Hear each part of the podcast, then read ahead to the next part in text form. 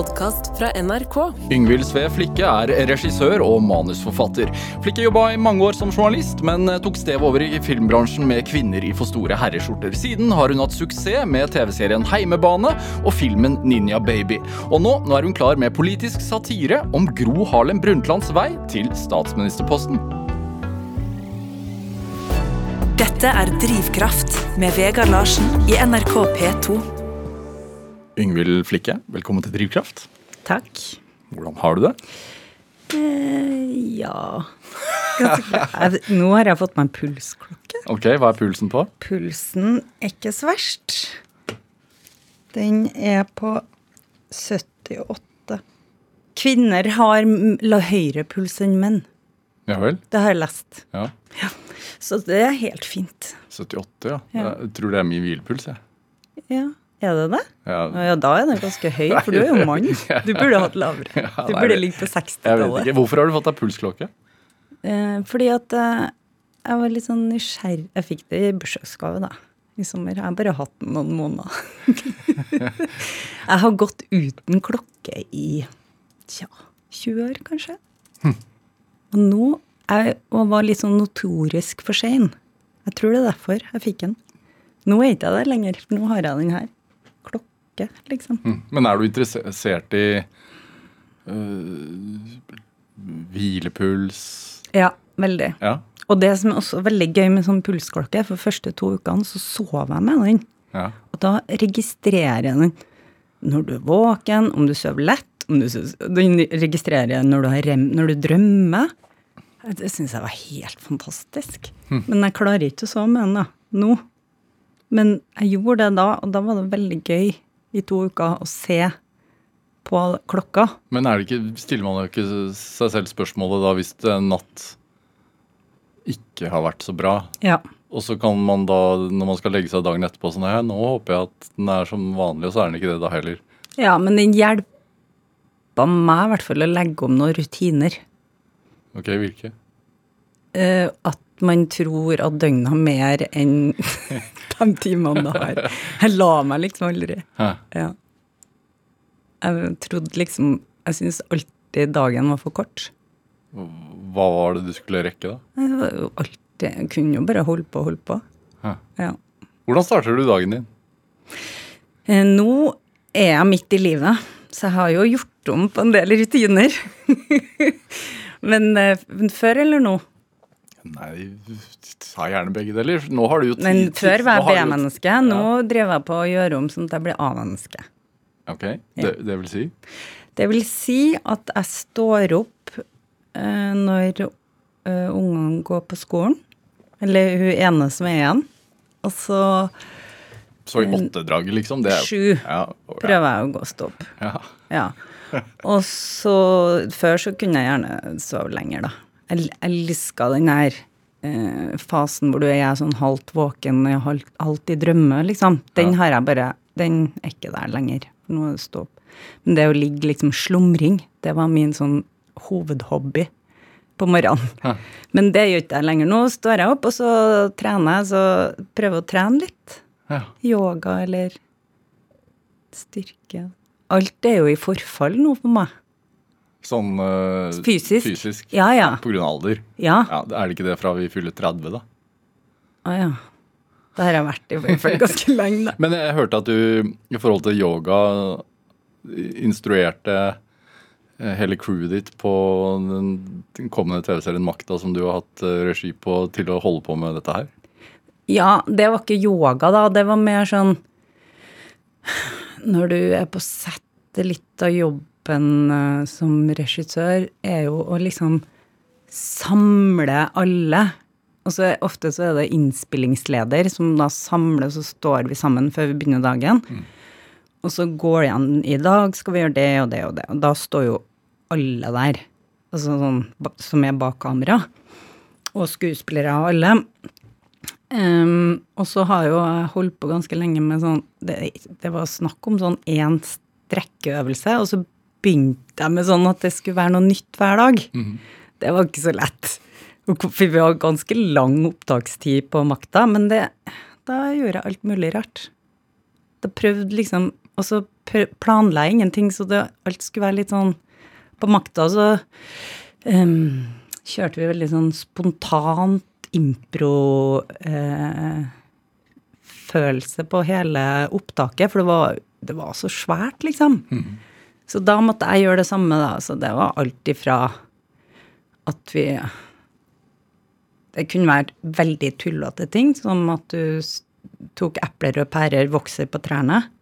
Og når det blir modne, så faller de ned. Eller at, vi, at jeg prøvde Det var jo mange unge, da. De hadde kanskje ikke fått med seg Bros med Don't Blame It On The Sunshine. Ja. Men det strekker litt når du tar den dansen til Bros.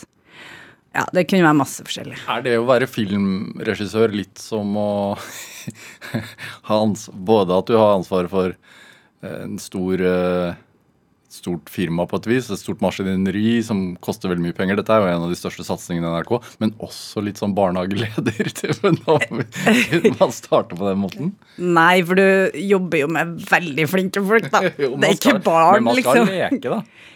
Ja, det er veldig viktig. Og da er det Og det er viktig å ikke tenke på pengene. Det slipper jo jeg som regissør, så det er da produsent og Jeg prøver å ikke tenke på uh, tid og sånn, jeg. Vi bare gjør det, liksom. Vi bare gjør det. Men, uh, men det som er viktig, er å ha med leken, og på makta òg. Jeg er jo veldig glad i jazz, så jeg prøvde å kjøre sånn impro-opplegg. Både sånn Jeg og fotografen Jon Elling Holmenes, og vi var veldig sånn nå Og alt er filma på 16 mm, det hadde jeg heller ikke gjort før. Og gjort det på film. Sånn at vi hadde begrensa med antall meter film. Og da må du ikke tenke på det. Bare sånn, ikke, og så må du leke, og så det viktigste er å gjøre sånne ting som at du dummer deg litt ut. For det, det der hierarkiet, det har vi ikke så mye av i Norge, da, men det er litt viktig at alle liksom er litt sånn sjef på sine områder. Ja. Og så skal du ha overblikket og, vis, og vite hvor du skal. så man må ikke gå via en assistent for å prate med regissøren. Nei, Som man må, ikke når må, jeg jobber, må andre steder. Ja, noen ganger må man sikkert. Eh, sånn kort oppsummert, altså Makta er jo eh, kommende TV-serie eh, som skal vises på NRK. Pr- Premiere helt til slutten av oktober. Ja, 28..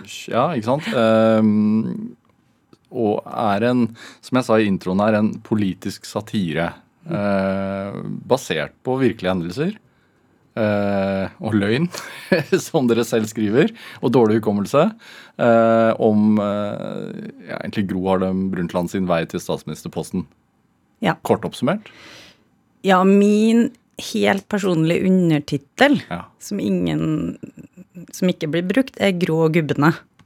For det var jo et gubbevelde som hun bare Helt tilfeldig, sier man jo nesten, men det var jo ikke så tilfeldig. Hun kom jo fra en politisk familie, og faren hadde vært i politikken, og for, hun hadde vært med som ungdomspolitiker, men hun var jo, hadde jo valgt å gå hun, hun valgte jo å bli lege. Det var jo også faren. Så øhm, Men det var litt tilfeldig at hun kom inn i ledelsen. Og så viser vi vel kanskje hvorfor på en litt morsom måte, håper jeg. Jeg vet ikke. Jeg syns det er litt skummelt når folk skal se det, da, men Dette er Drivkraft med Vegard Larsen i NRK P2. Og i dag er eh, regissør Yngvild Sve Flikke her hos meg i Drivkraft på NRK P2. Altså, eh, Angående makta, eh, TV-serien om Gro Harlem Brundtlands vei til, til makta, holdt jeg på å si. Hvorfor politisk satire? Hvorfor ikke gjøre det som en ren, så tro som mulig mot sannheten, dramatisering av det som skjedde? Det må du spørre serieskapere om, faktisk. Og jeg tror ikke jeg har blitt spurt om å være konseptuerende hvis du har valgt å gå i retning eh, Atlantic Crossing, liksom. Det er ikke min sjanger. Men altså, Johan Fasting har skrevet det, blant andre. Ja. Du er da konseptuerende regissør. Hva er det? Johan er showrunner, for det er jo flere regissører. Det er jo to sesonger vi filma under ett, at jeg har jo gjort to første og to siste i den første sesongen, som er seks episoder, og så kommer det jo seks episoder til.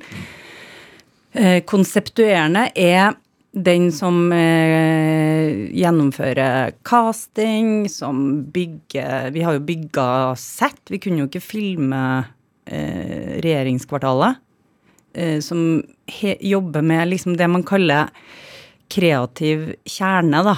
Og da har du produksjonsdesigner, du har sminke og hår, du har kostyme, du har eh, Fotografen jobber jeg veldig tett med. Mm. Eh, og liksom legge opp en slags sånn tone og form på det. Lager en slags mal som Ja, og det som var litt vanskelig med, med makta, det var jo for at de hadde jo lyst til å gjøre den litt sånn anarkistisk. Og det, for meg så var det litt sånn Å ja. Det går kjempelett, fordi det er litt sånn som vi holdt på i U i sin tid, på 90-tallet, liksom. hvor du jobbet, altså NRKs Ja. ungdoms... eh, Hva skal man kalle det? Ungdomsredaksjon U? Ja. Ja. Og, og de tre serieskaperne, Silje Storstein, Kristin Grue og Johan Fasting, de var veldig opptatt av at ja, vi levde når Vi har ikke levd når Gro var levd, holdt på, men det har jo jeg. Så jeg kom jo inn med en sånn litt annen vinkel. Men for meg så var det ikke noe For meg, det å ta liksom det videre var ikke noe, det var ikke noe vanskelig. Men det var vanskelig for staben, tror jeg, litt. Fordi at de var litt sånn Hva skjer nå? Ja, ja. Da var hele jobben veldig sånn Slapp av. For det, du skal jo fortelle en viktig del av norsk historie. Um, men du må ikke gjøre det med høye skuldre. Så med en gang du merka at noen har høye skuldre, så var jobben å få ned de skuldrene. Hvor, hvor er minefeltene når man velger å ta det valget?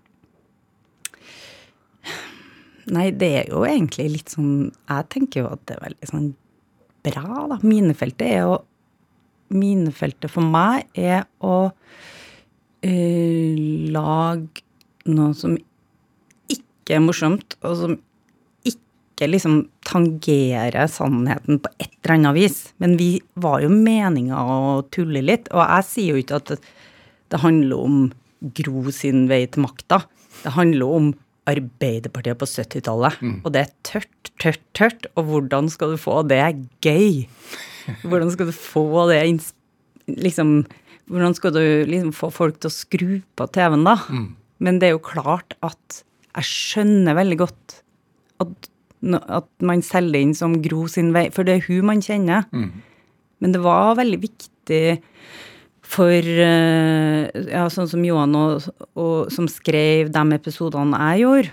Nå har jo vi jobba sammen før, så vi kjenner jo liksom Han kjenner jo hva jeg syns er gøy, og jeg vet hva han Når han skriver, hvordan han har tenkt. Så det, så det var litt Nei, det var, det, var ikke så, det var ikke så utfordrende, egentlig. Dere har valgt et, eh, et grep om å, å altså Tidskoloritten er veldig 70-talls, med, med, med klærne de har på seg, kontorene, telefonene de bruker. Samtidig så, samtidig så foregår, foregår det jo i 2023, fordi operaen er der, Barcode er der, folk på gatene går rundt og snakker i mobiltelefon. Hvorfor dette grepet? Ja, det var også noe det, altså, det handler jo litt om at det er litt Arbeiderpartiet som har bygga landet. De har bygga det landet vi bor i nå, på en måte. Og på 70-tallet så fant vi oljen. Vi, altså det er mange ting som gjør at det var, var gøy å plassere dem i omgivelser som var um, dagens eh, Eller det de har skapt, på en måte. Men eh, hvis du legger veldig nøye merke til, så er det ikke gamle telefoner hele tida. Skjønner. Jeg er heller ikke på partikontoret. det er mye moderne ting. Og det var også sånn eh, eh, Når du skal snakke Når du har en idé, så snakker du veldig sånn Å, det skal være sånn og sånn.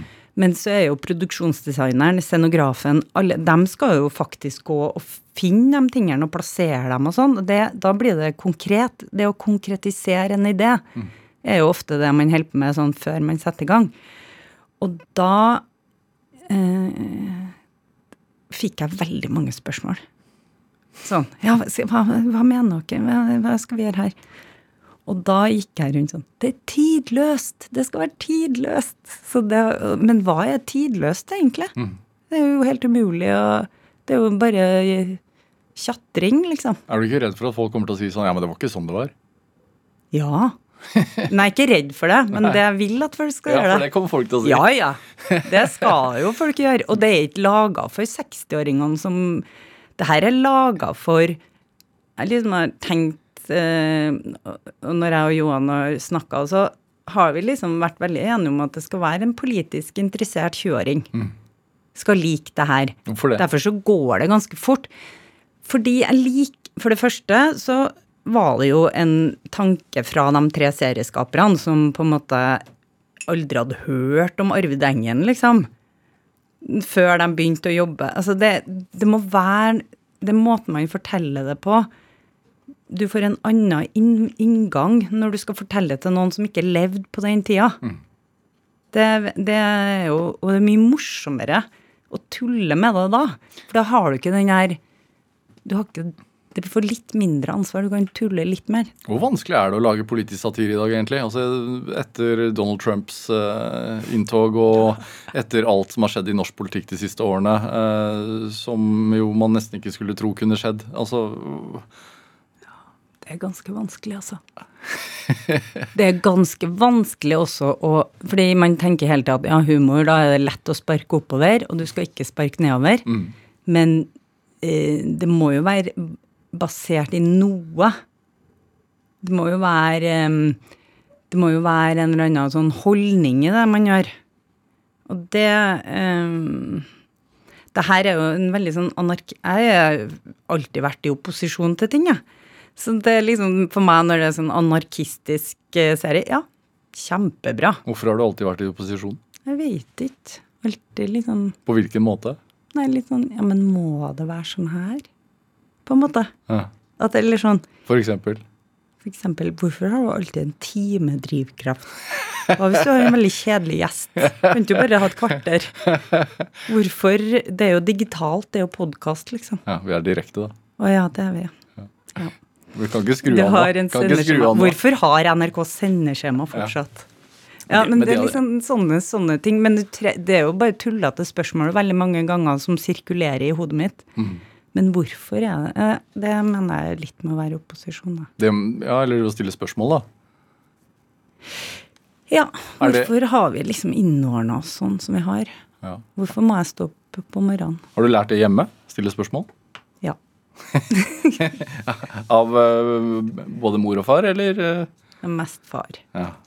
Eh, Faren din, Gunnar Flikke, eh, i verden. en ganske levende legende, holdt jeg på å si. Altså redaktør i Adresseavisen i mange år og uh, Folk i Trondheim veit jo godt hvem han er, i hvert fall. Ja. I Trondheim gjør de det. Kanskje ikke, kanskje ikke unge folk nå lenger, for nå er han jo pensjonist. Nå er han jo gammel. Hvordan lærte han deg å stille spørsmål?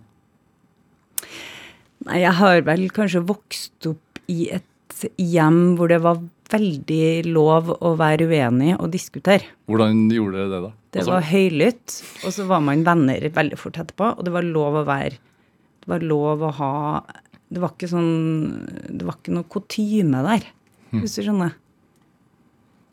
Pappa er veldig sånn Jeg bruker å si at han er litt sånn journalist to the bone. hva, hva vil det si? Det betyr at man liksom alt, journalist Du er jo journalist sjøl. Ja, Ja, men det her med at man hele tida går og ser etter hvor er saken. Å, han var interessant. Hun var interessant. Ja, det må jeg si videre. Det, må, det kan vi bruke. Altså, du er hele tida på jobb. Mm -hmm. det er sånn tror jeg mange journalister som jobber mye, har. da. De har det i seg, liksom. At det er alltid, og alltid nysgjerrig, og alltid sånn Det kan være liksom en på bensinstasjonen begynner å snakke med han, så er det alltid en historie der. Mm. Er Så det har jeg vokst opp med. Er du sånn også? Ja, Ja. litt. Litt sånn at det er alt, du vil alltid inn til den historien. Det er noen tror jeg du er litt òg. Hvis altså, det, grepet i makta er jo at man altså, finner sted i dag, og den finner sted på 70-tallet. og Hvis man skrur klokka tilbake til din oppvekst da, hjemme hos dere i Trondheim, hvordan hadde dagens eh, politiske situasjon eh, Erna Gate f.eks. blitt diskutert hjemme hos uh, Flikke? Altså, det som Det lurer jeg på i dag, hvordan det ville vært vokst opp der i dag. For det er veldig mye teknologi som har kommet siden 80-tallet. Er, nå er det liksom telefoner og Men da var det jo ikke det. Da var det radio og sinnssykt mange aviser. Mm. Det var aviser overalt, liksom. Og mamma leser jo veldig mye aviser. Men nå er alt skjerm. Jeg lurer på om vi kanskje hadde vært Og vi var vel, både jeg og broren min, jeg har en, en bror som er tre år yngre. Vi var jo alltid noe på gang, liksom. Men nå lurer jeg på hvordan vi ville Jeg, tenker, jeg har jo tenåringer hjemme. Mm. Um, jeg er veldig glad jeg vokste opp uten den skjermen eller telefonen eller mm. Hvorfor det? Nei, for jeg tror det ville ha blitt omfavna hjem til oss. Alt som var nytt, liksom. Og pappa var jo redaktør, og, og fra han begynte, var jo Adresseavisa en ren papiravis. Mm. Og så Han begynte før der igjen med radio, nærradioen. Å, da må vi lage nærradio i avisa! Da var det radioadresser. Og så skal du lage søndagsavis, og så skal du lage TV i avisa, og så skal du liksom digitalisere hele avisa. og eh, Det der med å kaste seg på noe nytt hele tida, det prøver jo jeg Jeg er jo ikke der. Jeg er veldig anti sånne ting. Mm. Jeg vil jo filme på 16 millimeter, liksom. og det er jo litt gøy, for det gjør jo ungdom i dag. De vil jo høre på CD-er og sånn mm. igjen. Det er kanskje bare en sånn runddans der. Men jeg tror hjem til oss da, i dag, så ville det nok vært mye skjerm, ja. ja. Mm. Er det Hadde man mer eh, respekt for makta den gang? Uh, Som serien eh, finner sted? Ja, men ikke hjem til meg. vi hadde ikke så mye Eller vi hadde respekt. Ja. Det respekt hadde vi. Men du har ikke den der um, det, Et menneske er et menneske, liksom. Selv om du er statsminister eller ikke. Mm. Siden du har valgt å ha, gi serien din egen undertittel, altså Gro og gubba. Mm. Ja. Hva er det med Gro som fascinerer historien der? Nei, det tenkte jeg på når jeg begynte å jobbe med det her. Fordi jeg har jo vokst opp da i en nyhetsfamilie med Gro som statsminister gjennom hele 90-tallet. Um, ehm, og tok det Jeg bare tenkte på nå at jeg tok det som en helt sånn selvfølge at vi hadde en dødsbra dame som statsminister, liksom. Det var ikke noe Det var ikke noe rart, det. Men nå, når jeg tenker på det nå, og når jeg liksom også har um, blitt litt mer utdanna i hodet, så eh, var det jo ganske drøyt, da. Og jeg skjønner nå at det har nok påvirka meg mer enn jeg har skjønt. Mm, på hvilken måte? Nei, fordi selvfølgelig, som uh, jente, så er det kjempeviktig å ha noen forbilder, eller se at det går an å bli statsminister. Tenk deg hvis jeg hadde had lyst til å bli det, eller lyst til å gå inn i politikken. Det gikk an, liksom. Mm. Og hun viste det bare ved å gjøre det. Du kan ikke snakke om det, du må bare gjøre det. Og det syns jeg jo nå, og jeg syns NRK har vært kjempeflink til sånn når du ser på Dagsrevyen, så har de kvinnelige eksperter som står og svarer på ting. Det, det betyr mer enn man tror. For det er veldig Jeg har to jenter, og det at de ser at du kan stå på TV og snakke om Eh, konflikter her eller der, eller Og du kan være korrespondent i, i Ukraina og det, det, er kjempeviktig, mm. tror jeg. Og det har bare den der noen, Jeg tror at man tenker ikke nødvendigvis på det når det er der, men nå gjør jeg det. det, er jo, jeg det. Og, og, når man lager fiksjon, eh, som jo makta er, selv om den er basert på faktiske hendelser, så trenger man jo alltid en, en helt og en skurk, på et vis. Ja. Hvem er helten, da? Ja, må man egentlig det? ja, det må man. Se der, ja. ja. Lett intervju. Ja, men eh, Mitt inntrykk etter å ha sett en episode er i hvert fall at Gro er, er en helteskikkelse. syns du det? Hun er jo ganske kjedelig, da. hun er jo veldig tørr. Det synes jeg var Det er det artigste med hun. Som jeg snakka med Katrine om òg, at hun har jo ikke humor. Hun er jo ikke en person som kan eh, Det er jo hun kan jo være hun hører på. Kan være. Jeg kan jo ikke si sånn.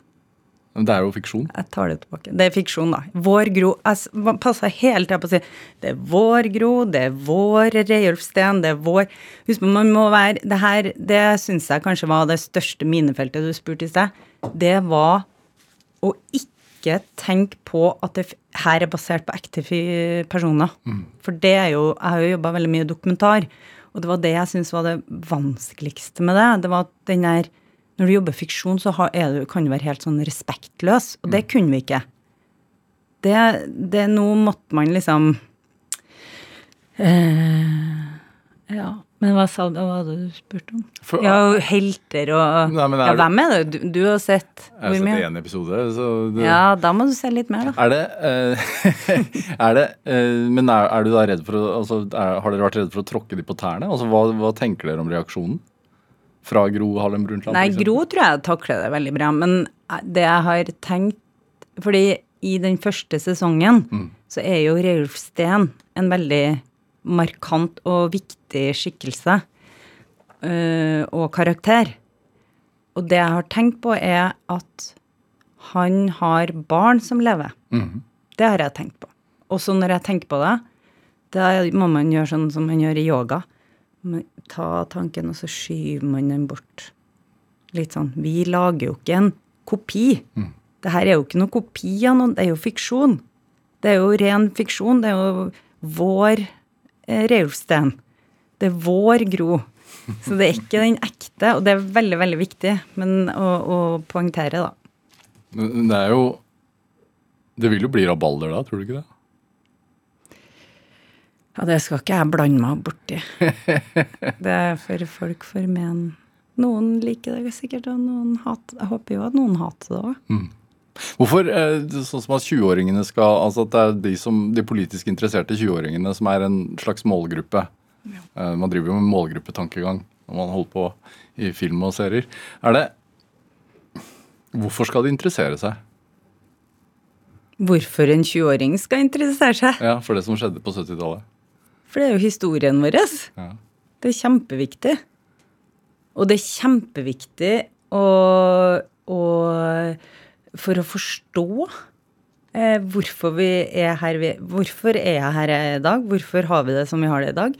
Du kan jo ikke ta det for gitt. Du kan jo ikke bare tenke at sånn er det. Det er jo en grunn. Um, og det som uh, en politisk interessert 20-åring skal gjøre For de har jo masse skjermer nå. De bruker jo å se serier med telefonen ved siden av, tror jeg. Og da er det bare å google på. Ja. Masse info, masse gøye historier fra 70-tallet som vil forklare hvorfor vi er der vi er i dag. Hva står det da om Raulf Steen? Men Ja, der kan du finne mye rart. Da ville jeg lest Han har gitt ut to biografier, én før og én etter Arvid Engen ble offentliggjort. Da kan man lese dem. Mm, Har du gjort det? dem ja, jeg prøvde å lese mye helt helt til jeg kom til et punkt hvor jeg var litt sånn Nei, hvis jeg leser for mye nå, da blir det ikke basert på løgn og dårlig hukommelse lenger. Man må passe seg litt for å bli for tro mot Og dessuten, en biografi er jo egentlig bare jåleri. Men det var det jeg mente med å lese dem to, da. Så er det Det er Det er veldig gøy å se hvordan man jåler seg til i en biografi. Ingvild ser Flikke, vi skal spille litt musikk. Um, du har med en uh, Emilie Nicolas-låt som heter Feel Fine. Hvorfor det? Det er fordi at det er en utrolig, utrolig fin låt. Og du har brukt den sjæl? Ja, og eh, mannen min har vært med og produsert den, så han lager masse fin musikk. Du bruker den i filmen Ninja Baby, f.eks. Ja. Ja. Hvilken scene? Det er en scene hvor hun akkurat har født den ungen hun ikke vil ha. Ja. Hva skjer med Har du vært i kinosalen og sett folk eh, reagere på den scenen? Ja, det er den låta som flest Hva heter det for noe? Shoshome? Nei. Hva heter det? Det har sånn app. Shazam. Shazam, ja. Og da tar folk Å, de, da, da er det sånn Det er jo en komedie, men da griner folk, og så tar de mot telefonen, og så sammen dem. I kinosalen. Ja. For da lurer de på hvem synger den her? Den vil jeg høre. Sånn er det blitt. Skal vi høre? Ja.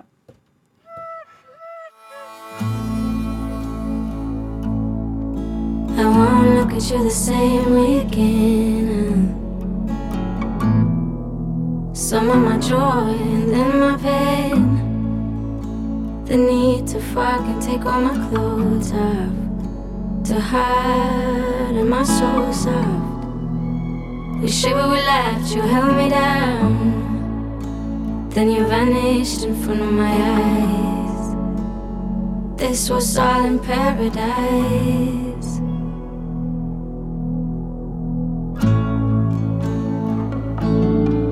I'm such a loser. Can't keep anything. I do whatever for my lover. But he slips through my tight ends. Oh, I see it's clear we're over. You only get one chance. I wanna feel fine. Ooh. The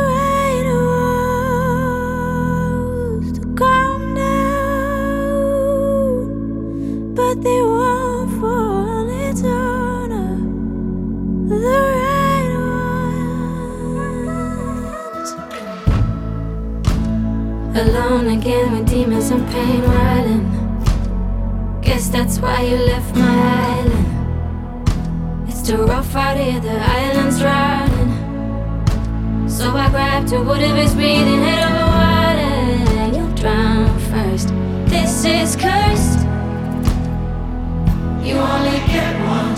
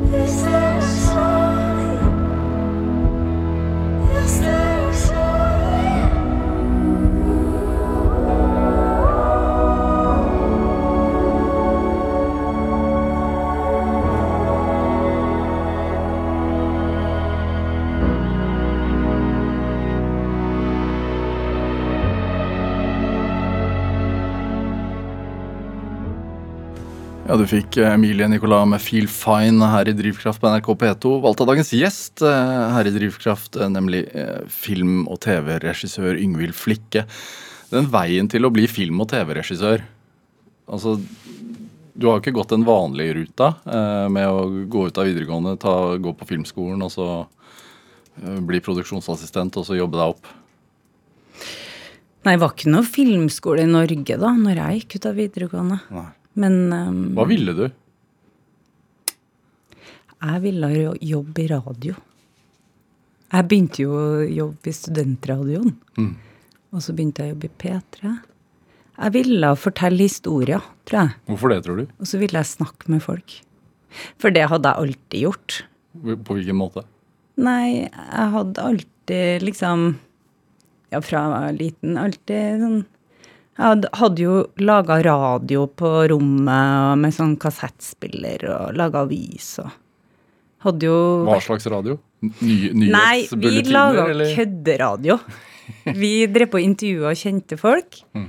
Eh, Jeg har vært, jeg leta sånn etter de opptakene, for jeg har jo, hun ene er jo venninne, veldig god venninne, min beste venninne fortsatt. Og da var det sånn da, Det var sånn at vi fikk latterkrampe. For da var det en som, da intervjua vi sånn Bjøre Haaland og Chatou. Husker du det bandet? De syntes vi også var veldig sånn morsomme, for vi leste jo sånne popblader. Ja. Sånn Bravo og sånn. Og så syntes vi det var veldig morsomt med sånn at folk ikke klarte å si sj-lyden. Nå er jo det er veldig skien. Det er jo sånn som mine unger i hvert fall holder på skal på kino. Men det heter jo ikke kino, det heter kino. Det, liksom, sånne ting kunne vi også tulle med, da. Sånn, ha intervjuobjekt med talefeil og sånn. Men, men hvordan var det i, i Trondheim? Altså, har du vokst opp i Trondheim sentrum? Ja. Ja, Hvordan var det På? Kattem først, da. Ja. Når jeg var ja, fram til andre, og så flytta vi til sentrum til Rosenborg. Ja. Når jeg var på barneskolen. Ja. Du, du snakket om at du liker det anarkistiske. Hva slags miljø var du en del av? Jeg var sånn eh, Jeg gikk på Steinerskolen. Hva vil det si? Det vil til- si at du var steinerunge, ja. og veldig teit og veldig fjern og dum, og ikke en del av resten av byen. Følte man dem. Og så dro vi, for den lå på Ila, så jeg måtte med buss gjennom byen, og så hang vi ned i sentrum, og da var det sånn Så istedenfor å prøve å, å passe inn, så gikk jeg var sånn Gikk med skjørt og hatt og sånn da jeg gikk på ungdomsskolen. Ja. For, å, for å skille seg ut? Jeg var, ja, jeg syns ikke det var noe galt å skille seg ut. Det var liksom Og så drev jeg veldig mye med teater da. Fra jeg var sånn barneskolen, ungdomsskolen, videregående. Trodde du skulle bli kunstner? ja. Ja, det skulle jeg eh, når jeg, jeg var i Dallas, Texas et år, og da eh, var jeg helt innstilt på at jeg skulle bli eh, begynne på kunstskole. Mm, etter, men da hadde jeg to år igjen i Trondheim på videregående. Og da var det liksom eh, Tror jeg fant ut at det var radio. Eller kanskje jeg var litt sånn enkleste vei. Jeg vet ikke. Jeg tror jeg bare ikke orka å flytte til USA. For da var vi, når jeg var i USA, så dro vi rundt og så på sånn kunstskole. Jeg var veldig sånn Å, herregud, til å bo i Santa Cruz og gå på den skolen her, og de hadde eget Mamma er jo kunstlærer. Um, så jeg har jo hele livet holdt på med det, og elska å tegne og male. Så det var eh, da, Det falt litt sånn på plass på videregående, så har det egentlig bare Så ble det mer radio. Du tar jo med deg de hva skal man si, kunstneriske eller sånn grafiske elementer inn i filmene du lager òg. Ja. Både Ninja Baby også er i, makta i forhold til grafikk og sånne ting, så er det jo Ja, men øh, Ja, og når jeg jobba her i NRK òg. Ja. Mye. Sånn, øh, gjorde jo animasjon den, og sånn da. Nei, det falt litt sånn på plass for meg, fordi da jobba jeg på, i P3 her i Oslo, og så ble jeg ringt opp og spurt om jeg ville prøve meg i U. Og da hadde jeg aldri tenkt Husk på TV, da, og kameraene var så store, men da hadde man fått inn sånne små kamera. Hva representerte U? U var liksom det anarkistiske i NRK. Det var liksom opposisjonen i NRK. Det var helt fantastisk jobb her. fordi at det var helt sånn Ja, her har du et lite kamera. Den røde knappen er rekk. Ok, trenger jeg vite mer? Nei, det er auto. Du bare pass på at det står på autofokus. Bare Det var så fritt, da. Det var så Ja, hva vil du Og hva vil du lage om?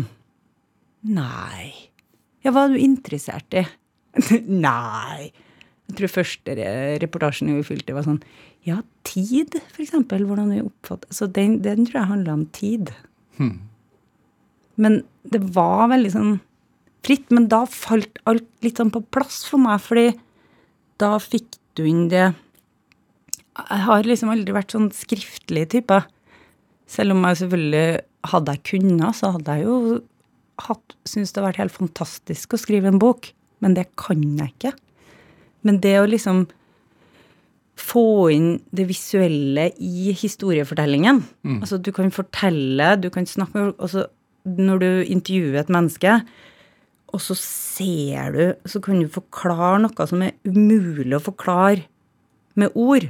På radio så tenk, ser man, kan man liksom se for seg litt sånn, man og man ser jo for seg hvordan folk er imot at Dagsnytt 18 skal gå på TV, eksempel.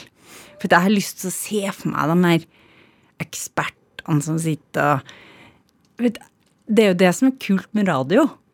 Men for meg så eh, falt det litt sånn sammen, det der kunstinteressen kunstinteressen og det visuelle sammen med historiefortelling, når jeg begynte i U, da, kan du si. Ja. Er det selvtillit når man velger å stille spørsmål hvorfor det, hvorfor det? eh, Hvor vesentlig har det vært for den veien å gå, tror du? For du må ha ganske selvtillit. Jeg har sikkert det. Det har jeg sikkert litt hjemmefra, tror jeg. Ja. Men øh, det er en annen ting, da. Er jo at når man stiller spørsmål, så tar man fokuset bort fra seg sjøl og over på noen andre, sånn som du gjør når du sitter her. Så er det jo ikke fokuset deg. Eh, For det hadde jo vært gøy å lage drivkraft om deg, eksempel. Det sitter jo jeg og tenker på. Og så snu liksom rollene, fordi at med en gang du Eh, og jeg, når jeg jobba i U, så var jeg også på skjermen. Da filma vi oss sjøl og var liksom programledere, og det syns jeg var helt forferdelig. Og jeg har tenkt liksom en del på det, så jeg har ikke selvtillit så mye på det. Uh, jeg vil være bak kamera, jeg vil være bak være bak mikrofonen, jeg ville være på radio, for det er en form for anonymitet, og det, det gir deg en større frihet. Den Hvordan- friheten er veldig viktig. Hvordan reagerer du på ros, da? Det syns jeg er helt forferdelig, men det øver jeg meg veldig på. Hvorfor er det forferdelig? Fordi at jeg blir sånn at jeg, da må jeg poengtere hva som er dårlig. Hvis noen sier at det er kjempebra, så ja, men det er ikke så bra, for det, det og det er jo ikke så bra. Fordi du vet selv hva som Jeg vet jo hva som er dårlig, Ja. hva som ikke funka, og sånn.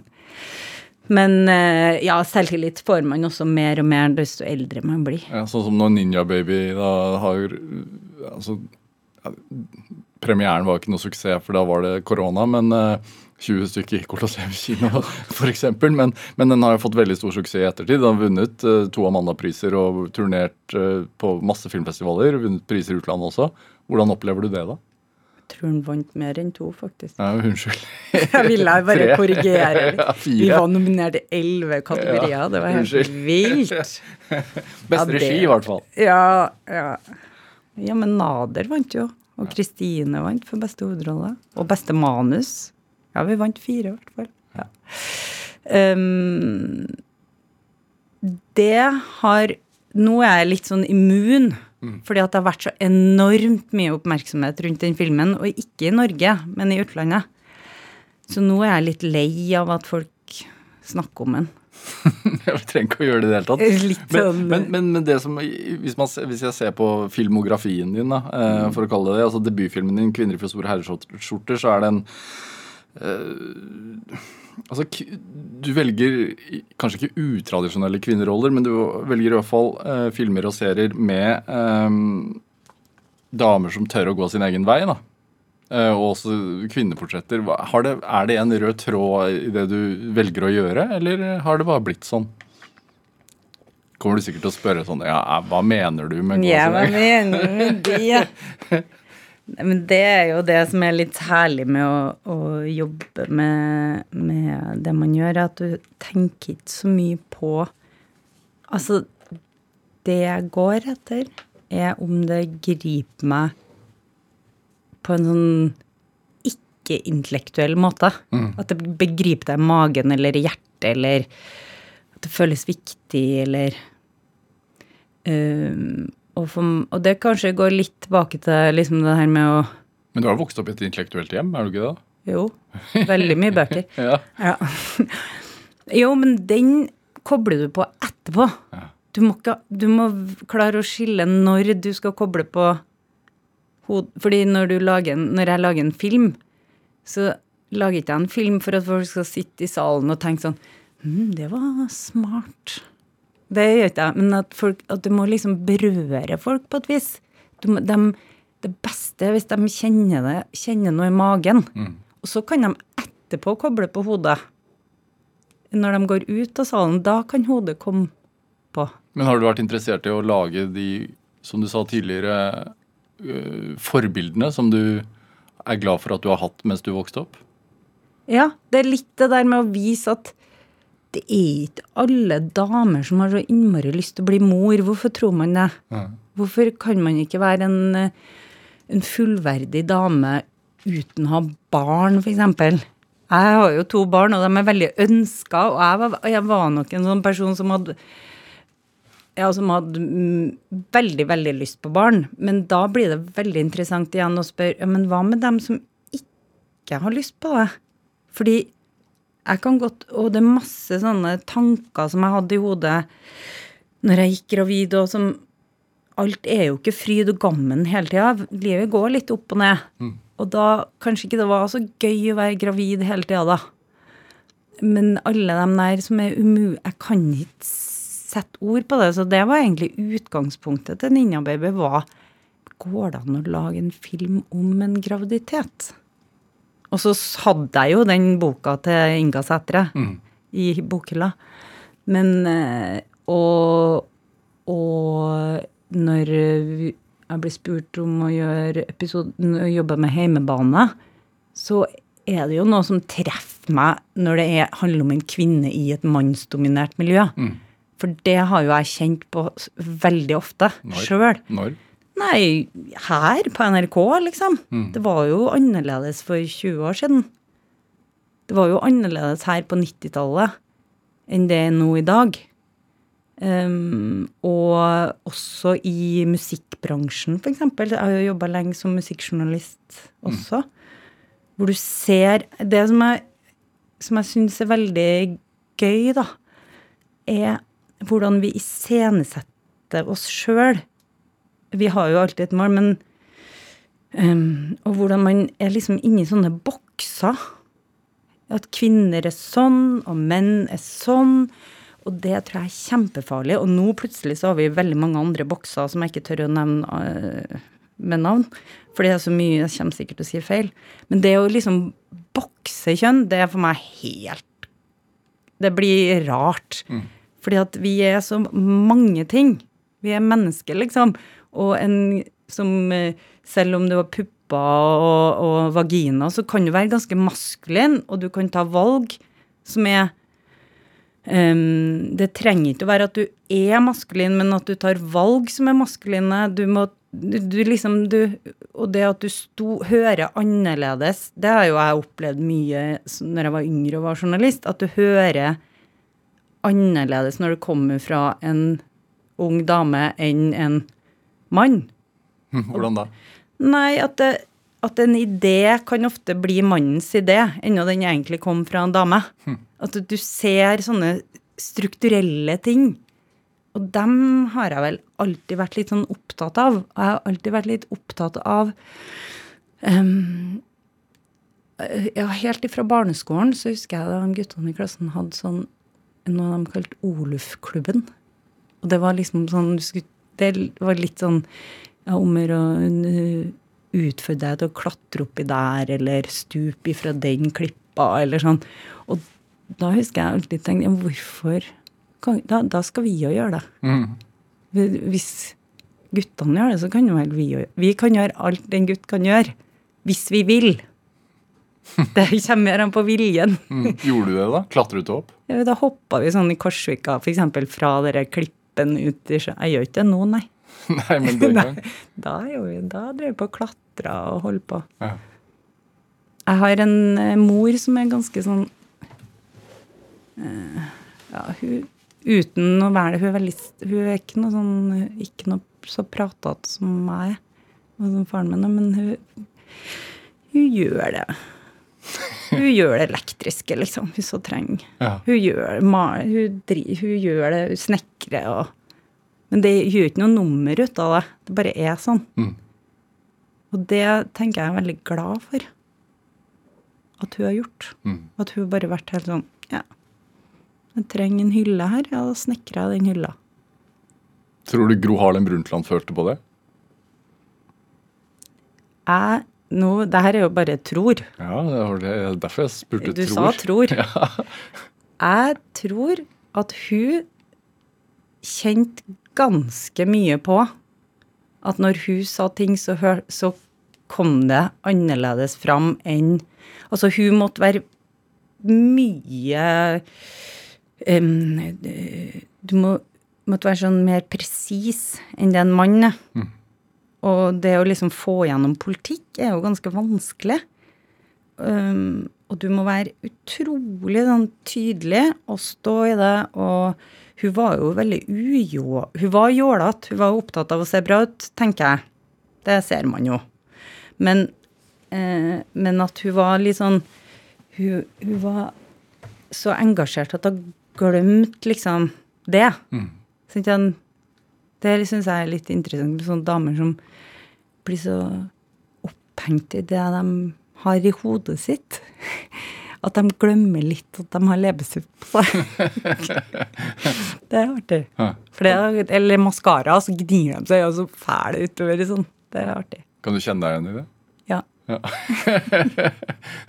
En ting av det som går igjen i første episode av serien, er jo at man flere ganger hører disse mannlige kollegaene hennes si ja, hun er jo så pen. ja.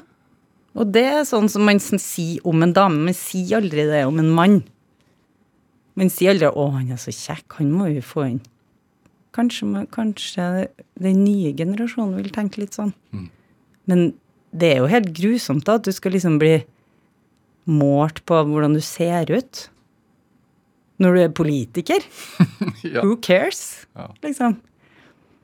Nå er det veldig viktig, sikkert, for nå skal alle ha sånn Instagram, eh, noen sånne bilder og sånn. Da må du se litt bra ut. Du ser jo Erna, hun ser jo, hun ser jo bra ut, men jeg tror ikke hun har kledd på seg sjøl, liksom.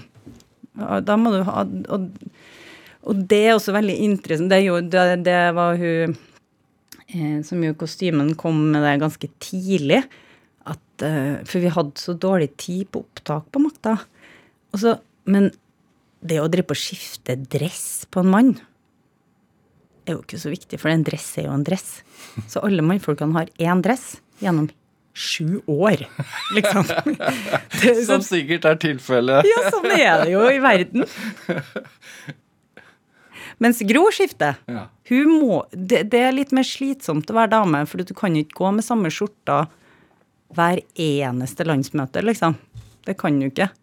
Du må huske på hva du hadde på deg på forrige landsmøte. Men en mann kan jo ha på samme dressen. Ingen som ser. Hvor mange år må det gå før man kan lage politisk satire? Du tenker på hvem som skal lage om det som skjer nå? Nei, det må vel gå sånn 30 år, da. Kanskje.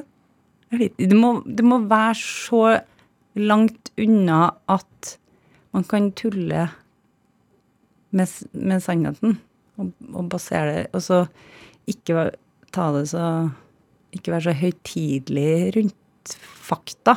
Og det er litt interessant òg, fordi når du begynner å lese de her biografiene og sånn, og når du tenker på Ja, eksempel i intervjuet her, så har jo vi sikkert helt forskjellig eh, idé om hva vi prater om. Og sånn er jo Sånn er vi jo, vi mennesker. At vi liksom husker og så legger oss og tar, tar, tenker på forskjellige ting. Og det har vi jo brukt for det det er verdt i den serien her. At et møte, et landsmøte kan jo huskes på mange måter. Eh, ja. Litt sånn. Og det gjør det gjør jo min jobb veldig Når, når serieskaperne kommer med liksom sånne ideer om at vi gjør det litt sånn, og det skal være anarkistisk, og det er basert på løgn og sannhet og dårlig, dårlig hukommelse, det tenkte jeg, det. Det kan jeg relatere meg til, som snart blir 50. altså, det er sånn, ja, ja, for man husker, og så lager man seg sin egen historie. Ja. Og lager sin egen versjon av ting. Og det er ikke ofte Folk som har vært på samme møte eller samme fest, har jo gjerne veldig forskjellig opplevelse av det. Hva er det som er så fint med forskjellige historier, da? Nei, det er jo det som er fascinerende, syns jeg, da. Med alt. Det Ja. Det er fascinerende å, og også se hvordan en historie som man sjøl har laga og tenkt skal være sånn, kan oppleves på så forskjellige måter. Det syns jeg det, det er bra. Det er riktig. Hva er drivkraften din, uh, Yngve Flikke? Det vet jeg ikke. Nei, det er jo å lære noe nytt. Å lære noe nytt. Og det, jeg føler nå at jeg har sånn perfekt jobb, for at jeg kan aldri bli utlært. Vitebegjæret, liksom. Mm. Kanskje. Og engasjementet og det å liksom formidle noen ting. Det å liksom få ting ut av det som bobler inni, og så få det ut. Det tror jeg. Mm. Mm. Hvordan er det, da? Denne boblingen? Den boblinga er veldig slitsomt hvis man ikke får det ut. Men den er veldig god når man får det ut. Mm. Ja. Gleder du deg til premieren? Grugleder meg. Hvorfor gruer du deg? Fordi det er om så viktig, viktige folk og viktig historie. Så jeg, jeg gruer meg til Jeg tror ikke jeg kan lese så mye om det.